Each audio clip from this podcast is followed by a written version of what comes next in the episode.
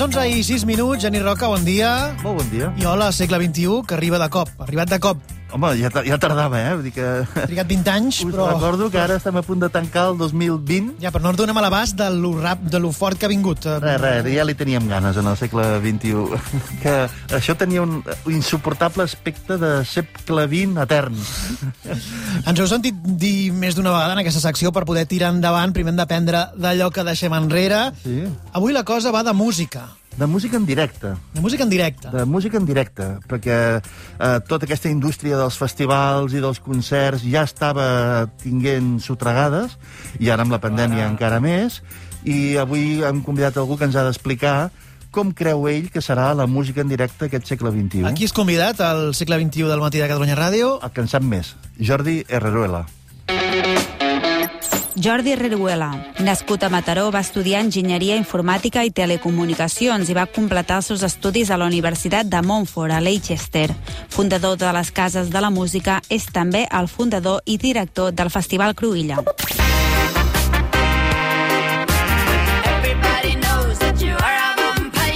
Bon dia. Molt bon dia. Benvingut al matí de Catalunya Ràdio. Ara ens ho deia el Genís abans de la pandèmia, el negoci de la música ja vivia amb una mena de Dragon Khan, eh, caiguda de la venda de la música en suport físic, l'arribada de les plataformes de streaming, la configuració de grans grups internacionals que compren drets artistes, discogràfiques, festivals... Ara, amb la pandèmia, el que hi ha hagut és una aturada d'espectacles en directe, especialment eh, a la primera meitat de l'any, no? La por d'anar a llocs amb, amb gran afluència de públic després, i en el futur, perquè això és el que volem parlar avui, no, Genís? Moltes tecnologies que suposadament poden canviar les coses, les estan canviant i també afecten el, el teu camp. El 5G, realitat virtual, intel·ligència artificial... Avui volem parlar de com serà el futur de la música en directe i Genís no has pogut portar un convidat millor. No, clar, Jordi controla. Jordi, això del negoci de la música fins ara havia funcionat d'una determinada manera, la gent es guanyava la vida eh, si tu ets músic. En aquesta indústria hi ha molta gent que, que, que, que en viu, no? Els, els artistes, després hi ha els programadors, les discogràfiques, és tota una, una cadena, com passa també amb l'alimentació o amb altres negocis. Els artistes fins ara feien la seva música i monetitzaven eh, o bé venent-la amb CDs, vinils, etc, o bé fent actuacions en Bolos. directes. I això ara ha canviat. Eh, vendre un CD és molt estrany eh, i el negoci està amb aquestes mm, amb els concerts en directe i suposadament amb l'streaming, però amb l'streaming no pillen. Eh, eh, es cobra molt poc per l'streaming. Eh, eh, els músics trobaran una manera de guanyar-se la vida eh, digna o tot depèn ja de la música en directe? Bueno, um, estem, estem en, plena, en plena revolució, no? Però sí que és veritat que veníem d'un moment on, on abans els artistes sortien de gira per presentar un disc i vivien sobretot de la venda dels discos i, i ara gairebé que, pre que presenten un disc com una excusa per sortir Per de gira concerts. perquè del que viuen és del, dels directes. Um, tot això tot això s'ha transformat a, quan va aparèixer Spotify, quan va aparèixer tot, tots els canals de streaming i la gent va tenir accés a aquesta quantitat enorme de música a aquest preu, diguem, tan baix, i això, això s'hauria d'anar regulant, perquè està clar que, que hi ha una certa opacitat respecte al que aquestes plataformes cobren per publicitat, per escoltes, el que paguen, i al final els artistes s'acaben creient unes liquidacions que no tenen manera de contrastar i, i caldrà una transformació cap a una transparència en la forma com es liquiden aquests drets. Pensa una cosa, eh, que en aquest cas, per exemple, Spotify eh, et diu hola, tu ets el cantant d'un grup, eh? I Spotify et diu T'han escoltat. Hola, eh, t'han escoltat mil, per tant, te pago tant. Eh, I llavors, ell s'autoliquida. O sigui, el que t'ha de pagar és el mateix que et diu... Eh, El que controla, el que sí, sí, controla la la, la, de- la unitat de mesura. És una miqueta I el incòmode. que et paga depèn de a quin preu està la publicitat d'aquell artista aquell dia. Vull dir que és com si fos una borsa contínua, de manera que l'artista no, no, no, no té cap possibilitat de xequejar si li estan pagant correctament o no. Um, a mi em sembla que hi ha un camí a recórrer amb aquestes plataformes que és exigir-les la transparència respecte al que cobren, el que es paga, uh, quina part es queda cadascú Complicat. en aquest pastís. Um, I si no, l'opció serà trobar plataformes alternatives. Va, va, es va llançar una nova plataforma que és Tidal, ara ja fa un parell d'anys que la va llançar la Beyoncé i, i, i en Jay-Z, creada per músics, que paga molt millor els músics, que té un sistema de transparència molt més ampli. Um, bueno, encara no s'ha extès al mateix nivell que Spotify, però són les primeres iniciatives d'alternatives una mica més justes cap als músics. Hi ha una altra cosa que vaig aprendre amb en Jordi, que, que em sembla molt interessant, que és, abans, eh, abans, abans al segle XX, eh, eh, per exemple, a tu t'agradava molt, anys. per exemple, Bruce Springsteen, per dir alguna cosa, val? i te compraves un disc del Bruce Springsteen, o un, o un CD, si vols, i, i et costava uns calarons, tu anaves allà i gastaves 15-20 euros i et compraves el disc, i després el posaves a casa i el tornaves a posar, i el tornaves a posar, i el tornaves a posar, el matxacaves, i te'l sabies a memòria.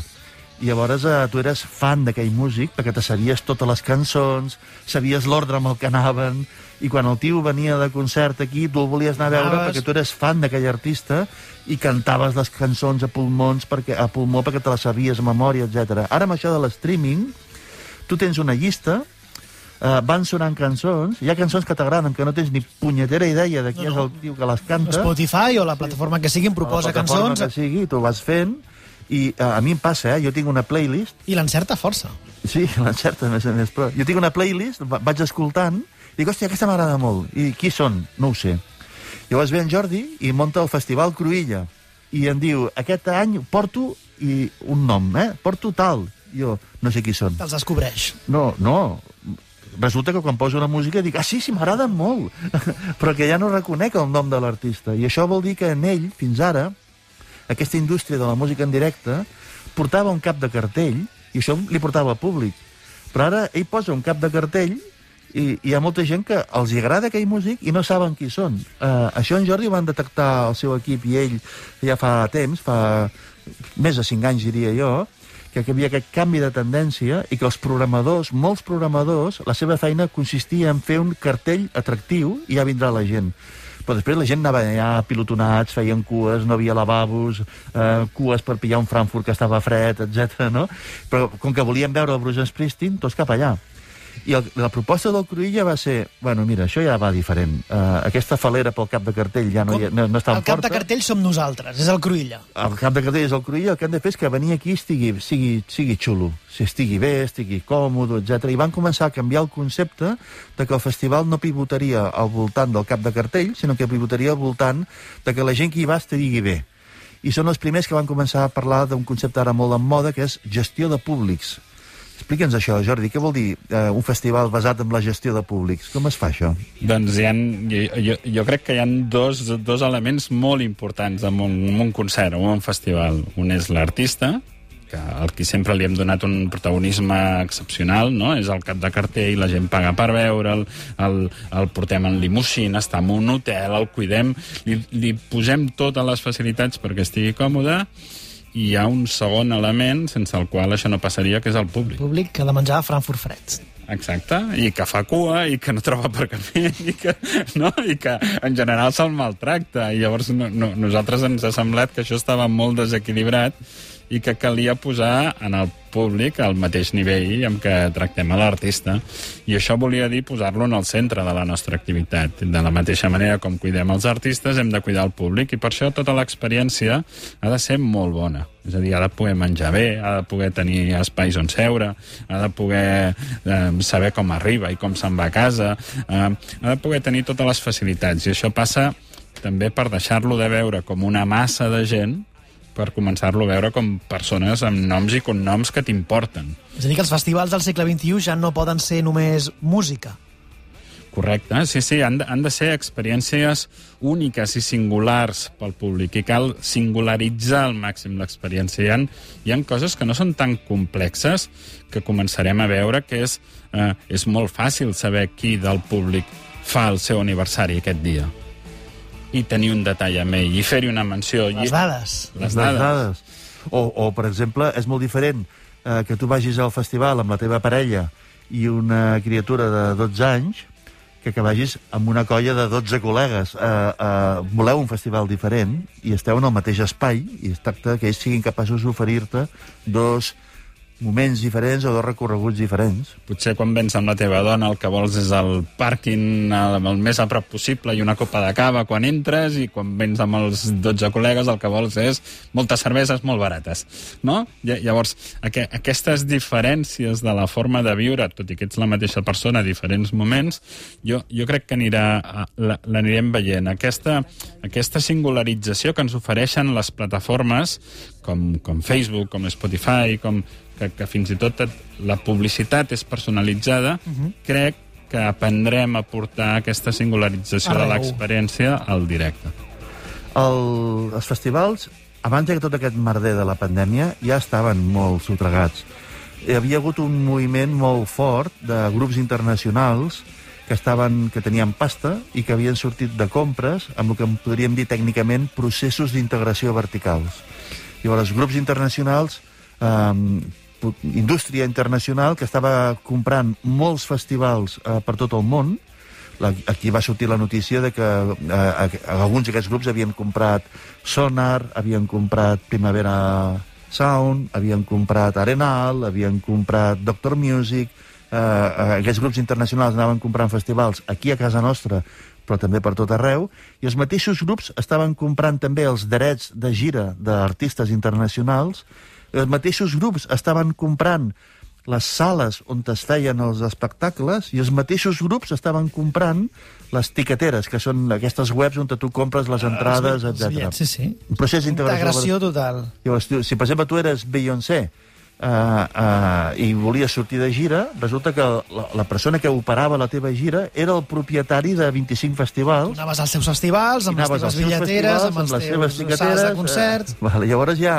gent com el Cruïlla, que és... Eh, No, jo seré independent. Sí, que, que, que és el festival independent que ens queda a casa nostra, que quan vol fitxar a la Beyoncé, eh, li diuen, no, no, la Beyoncé només toca amb els nostres festivals, i tu ets un pringat i tu no, tu no, tu no ets el nostre festival. I, i com això sobreviu, Jordi, amb, amb, amb, amb un context que, si era prou complicat amb la tecnologia, l'streaming, l'experiència de l'usuari, etc, a més a més resulta que apareix aquesta lògica de, de globalització. Doncs molt difícilment, o sobreviu molt difícilment fora, fora d'aquesta competició. Aquí el, el que ha passat és que el, el sector de la música en directe, al contrari que altres sectors, ha estat eh, mo, molt atomitzat. O sigui, es- està ple de, de, Petits operadors. de petits operadors independents a cada ciutat. Però és veritat que és un quan, quan abans, al principi, parlàvem de quan els músics deixen de cobrar dels discos i han de cobrar dels directes, uh -huh. doncs cada cop és un negoci que té més valor per tothom, per tota la indústria, la musical i, de, i la de l'entreteniment en general, la dels canals de comunicació. Um, I llavors els grans grups es fixen amb el nostre negoci i comencen a comprar i comencen a generar estructures multipaís. Aquestes estructures multipaís fa que, que es puguin enviar ofertes i arribar a acords a artistes per tota una gira per diversos països. Llavors, quan tu intentes competir amb una sola data per una sola ciutat, en el nostre cas Barcelona, la veritat és que és molt, molt complicat tenir aquest talent. Això pot, pot comportar, per exemple, eh, eh, eh, el que et diré ara és cert o fals. Um, si tu ets un operador local, mm -hmm. podries tenir més sensibilitat per les coses locals. Si tu ets un operador global, podries tirar d'un model de música més, més global. És, a dir, eh, si, si la música que ha de sonar a Barcelona te la programen des d'un despatxos de París, és, és probable que s'acabi semblant molt a la música que posaran a Montpellier o de la música que posaran a Toulouse o de la música que posaran a Madrid. Um, uh, uh, que hi hagi festivals independents uh, és necessari per poder preservar uns senyals d'identitat propis? O, o, o, o te complemento la pregunta amb un altre matís. Ara vam tenir la pandèmia, va haver-hi una aturada, mm. i el que, el que va sortir i va programar 100 festivals durant el mes de juliol 100 concerts durant el mes de juliol eh, aquí a Barcelona per, per donar vidilla al sector i ànims a la ciutat, va ser el Cruïlla, no, no va ser un, un grup internacional. Eh, vosaltres vau, quants concerts vau fer aquest juliol aquí a casa? Vam fer prop de 200 concerts. Quan, quan, quan estava tan dur. Sou uns valents. Sí, sí, sí, però... però Això és perquè sou locals? Sí, sí, sí que, sí que va per aquí. És a dir, um, a, quan, quan dèiem que, que aquests grans grups compren artistes multipaís, al final el que acaben fent és que tots els festivals s'assemblin i tinguin la mateixa programació i acaba tenint la mateixa programació. Per exemple, hi ha, hi ha, hi ha un festival franquiciat que és el Lollapalooza. Doncs l'artista que actua a Berlín, el que actua a París, el que actua a Chicago, el que actua a Xile, el que actua a, Són els mateixos. són els mateixos perquè, mm. perquè compren aquests paquets per aquest conjunt de dates. I això, en realitat, fa que es perdi singularitat eh, cultural. Jo crec que el Cruïlla i el Sonar i el Primavera han estat exemples de com han recolzat l'escena local cadascú d'ells en, el, en, les seves, en les seves vessants, però han aixecat artistes locals. Si això cau en mans internacionals, possiblement no tindrem la capacitat ni el coneixement d'entendre la- l'escena local. Però el mateix passa amb les plataformes. O sigui, abans parlàvem de Spotify, tot, eh, les recomanacions, que abans dèiem, te l'encerta molt. Doncs te l'encerta molt, però tirant cap a les coses que més s'escolten. I les coses que més s'escolten seran sempre anglosaxones i el, les llengües eh, i els estils minoritaris quedaran fora. Fa, fa poc la Rosalia havia dit en una entrevista que estàvem amb Pharrell Williams que com a dona sentia perjudicada pels, pels canals de streaming per Spotify, perquè com que en realitat el que es potencia són les que tenen més escoltes i els homes tenen més escoltes, la Retro- posen... Retroalimenta la bèstia. Exacte, retroalimenta la bèstia. Homes anglosaxons. homes anglosaxons, si, si pot ser blancs, per dir-ho d'alguna manera. Saps? Llavors, eh, ens cal trencar aquest, eh, aquest eh, cercle viciós tenint una alternativa a aquests algoritmes i per això ens cal entendre un altre dels valors que és aquesta idea del, del públic. De, aquesta, jo, jo, jo crec que en el nostre, um, en el nostre, en el nostre negoci és, és molt fàcil imaginar com es pot girar un foco no? que il·lumina l'artista per il·luminar el públic i donar-li la seva importància. Llavors, aquest camí jo crec que l'hem iniciat um, des de Cruïlla, però es parla cada cop més de postpandèmia, de- d'espais de, amb menys aforament, on la gent estigui més còmoda, amb els serveis més ben dimensionats, um, amb, amb la singularització de l'experiència. Es comença a parlar d'utilitzar aquestes tècniques que utilitza el gaming, que, que el, el, el, és com en, en llenguatge anglosaxó es diu engagement design, però que té a veure amb, amb generar ac accions que provoquen una reacció per part del públic, com si fos una gincama, uh -huh. on tu contínuament proposes un joc i singularitzes l'experiència. Llavors, jo, jo, jo crec que aquí tenim un camí, tenim el camí de les dades i tenim el camí d'aquestes gincames úniques per cada persona, que acabin fent que la teva experiència anant a veure un concert, a la d'en Genís, a la meva, anant a veure el mateix concert, siguin tres experiències completament diferents. Ara que dius postpandèmia, eh, eh, aquest estiu, vosaltres, valents, eh, ja heu anunciat que fareu el Cruïlla. Sí, en van fer 200 a l'estiu passat, Perquè que n'han estava de fer- caient. sí. Ara, el, el, aquest juliol, hi haurà Cruïlla eh, a, a Barcelona, eh, heu anunciat cartell, heu anunciat artistes internacionals... La gent està comprant les entrades. La gent està comprant els tíquets, Molta gent està comprant els tíquets, la qual és... Tenim ganes de música en directe. Gener, febrer, març encara apunta que haurem d'estar molt atents i molt vigilants, però l'expectativa és que abril, maig, juny això ja començarà a remuntar, i el juliol ens veiem al Cruïlla eh, mirant la posta del sol, el mar, la cervesa i un dels nostres artistes. Estàs podent trobar artistes que accepten ser programats al juliol, nacionals, internacionals? Sí, uh, te, te, tenim un, una prude, un prudent optimisme, per dir-ho d'una manera. O sigui, em, em sembla que l'estiu no estarem en una situació de normalitat, però que um, un festival gran com el Cruïlla, amb l'estructura que té, és capaç de generar una bombolla sanitària.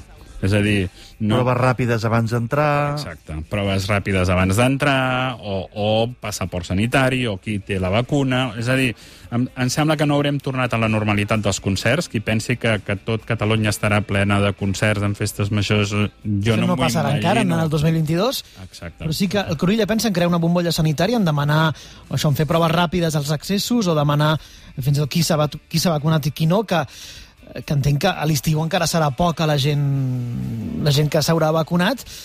I el que, el que us preguntava el Genís, què passa, amb, per exemple, amb, amb les acelles internacionals que heu previst per l'estiu que ve, pel 2022, com us assegureu de la viabilitat, que no caiguin aquests concerts? Doncs eh, amb el mateix concepte de prudència. És a dir, estem programant artistes internacionals que no depenen d'una gran gira per actuar al Cruïlla. És a dir, sabem que són si artistes... cau un altre bolo a Europa, no deixaran de venir Exacte, que poden venir exclusivament a fer el concert a Barcelona pel Cruïlla i tornar-se a casa.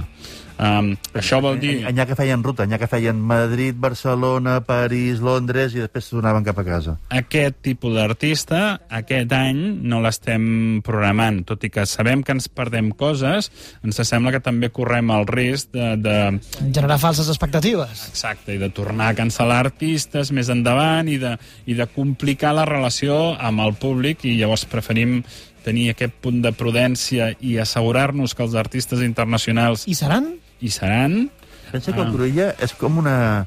Aquest senyor és l'alcalde d'una ciutat durant tres dies a l'estiu, perquè té controls d'accés, seguretat, eh, infraestructura de lavabos, eh, serveis mèdics... O sigui que quan ell agafa i diu només pot entrar qui compleixi les condicions i un cop a dintre s'han de seguir unes regles, eh, ho té tot preparat per poder-ho garantir. Uh a l'espai del Pare del Fòrum on ho feu eh, és un espai on hi caben eh, mm, 100.000 persones i en canvi ells, per aquest objectiu d'una bona experiència, només n'hi col·loquen 20.000, 15.000, 10.000, vull dir que poden garantir, encara, que avui semblin molta gent, 10.000, No, en un espai com, en un espai on com aquell 100.000. eh, es pot estar ample i es pot estar... Sí, el que ens estem imaginant són, són moltes més entrades, eh, pautar horaris... Molts més accessos. Exacte.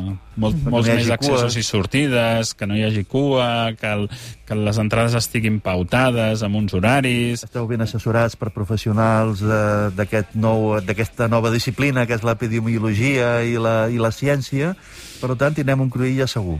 Sí, sí, uh, uh, bueno, podria ser que tota la societat es compliqués eh, o que apareixin noves tepes i es compliquin, però en la línia en la que estem a dia d'avui jo crec que comencem a veure la llum i tot i que sabem que gener serà difícil, ens sembla que d'aquí a l'estiu estarà resolt com per poder fer un gran festival. Doncs així és com seran els festivals de música en viu del futur, els festivals postpandèmia, s'assemblaran molt al Cruïlla. Jordi Reruela, fundador i director del Festival Cruïlla, per molts anys, bona feina, i gràcies per venir al matí de Catalunya Ràdio. Segur que tornarem a parlar abans de l'estiu. I Geni Roca, gràcies per mm, portar Al segle XXI. al segle XXI a, a l'estudi de Catalunya Ràdio. I fins l'any que ve. Bon dia a tots dos. Gràcies. Bon dia, gràcies.